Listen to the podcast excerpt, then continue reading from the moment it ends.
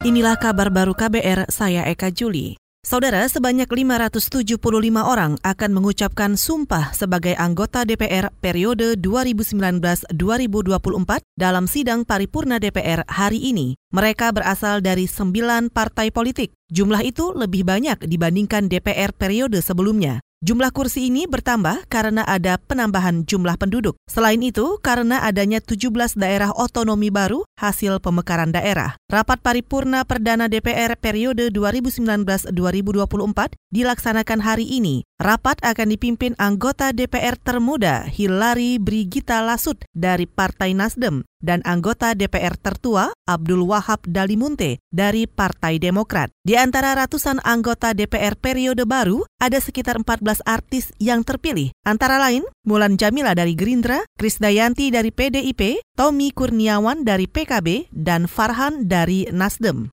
Kita ke soal lain, pemerintah Provinsi DKI Jakarta memberikan beasiswa Kartu Jakarta Mahasiswa Unggul atau KJMU kepada lebih dari 5.000 mahasiswa berKTP Jakarta. Gubernur Anies Baswedan mengatakan, mahasiswa penerima beasiswa KJMU akan mendapatkan 9 juta rupiah per semester. Penerima manfaat ini merupakan mahasiswa dari keluarga kurang mampu. 9 juta per semester jadi satu tahun 18 juta.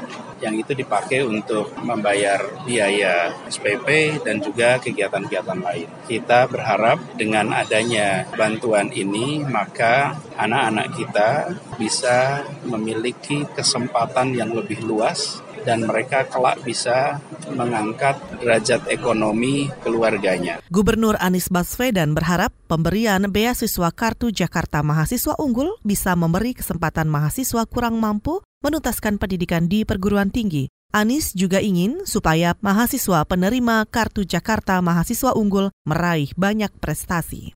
Kita ke soal konflik Papua.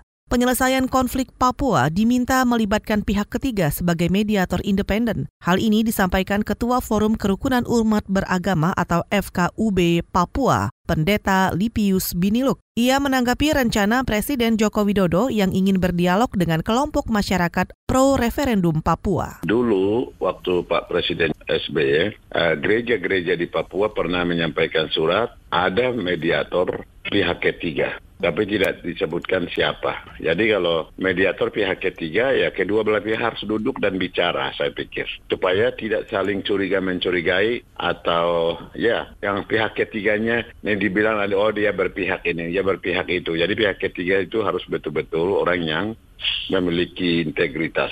Ketua Forum Kerukunan Umat Beragama atau FKUB Papua, Pendeta Lipius Biniluk, mengapresiasi rencana Presiden Joko Widodo membangun komunikasi dengan tokoh Papua dari berbagai kelompok, termasuk melibatkan Tentara Pembebasan Nasional Organisasi Papua Merdeka atau TPN-OPM. Lipius berharap dialog bisa menghasilkan kesepakatan bersama, sekaligus membangun persepsi sama tentang sejarah Papua dan PEPERA atau penentuan pendapat rakyat. Kita ke Riau, kepolisian akan memanggil Bupati Pelalawan Riau, Muhammad Haris, terkait kebakaran hutan dan lahan. Direktur Tindak Pidana Tertentu Bares Krim Polri, Muhammad Fadil Imran mengatakan, pemerintah daerah seharusnya mengikuti aturan yang ada sesuai undang-undang, yaitu mengaudit semua korporasi pemegang izin konsesi hutan dan lahan. Sebagai tindak lanjut daripada penegakan hukum ini, kami juga sudah memanggil Bupati Pelalawan untuk didengar keterangannya sebagai saksi. Kami ingin mengetahui seberapa besar usaha yang sudah dilakukan terhadap kewenangan mengeluarkan iup dan kewajiban-kewajiban sesuai dengan perundang-undangan untuk mengawasi kelengkapan-kelengkapan sarana dan prasarana kebakaran tersebut. Direktur Tindak Pidana Tertentu Bares Krim Polri, Muhammad Fadil Imran menambahkan, pemanggilan Bupati Pelalawan Riau, Muhammad Haris, dijadwalkan pada Rabu 3 Oktober lusa. Keterangan Bupati sebagai saksi diperlukan karena jumlah titik api di Riau cukup banyak. Saudara demikian kabar baru, saya Eka Juli.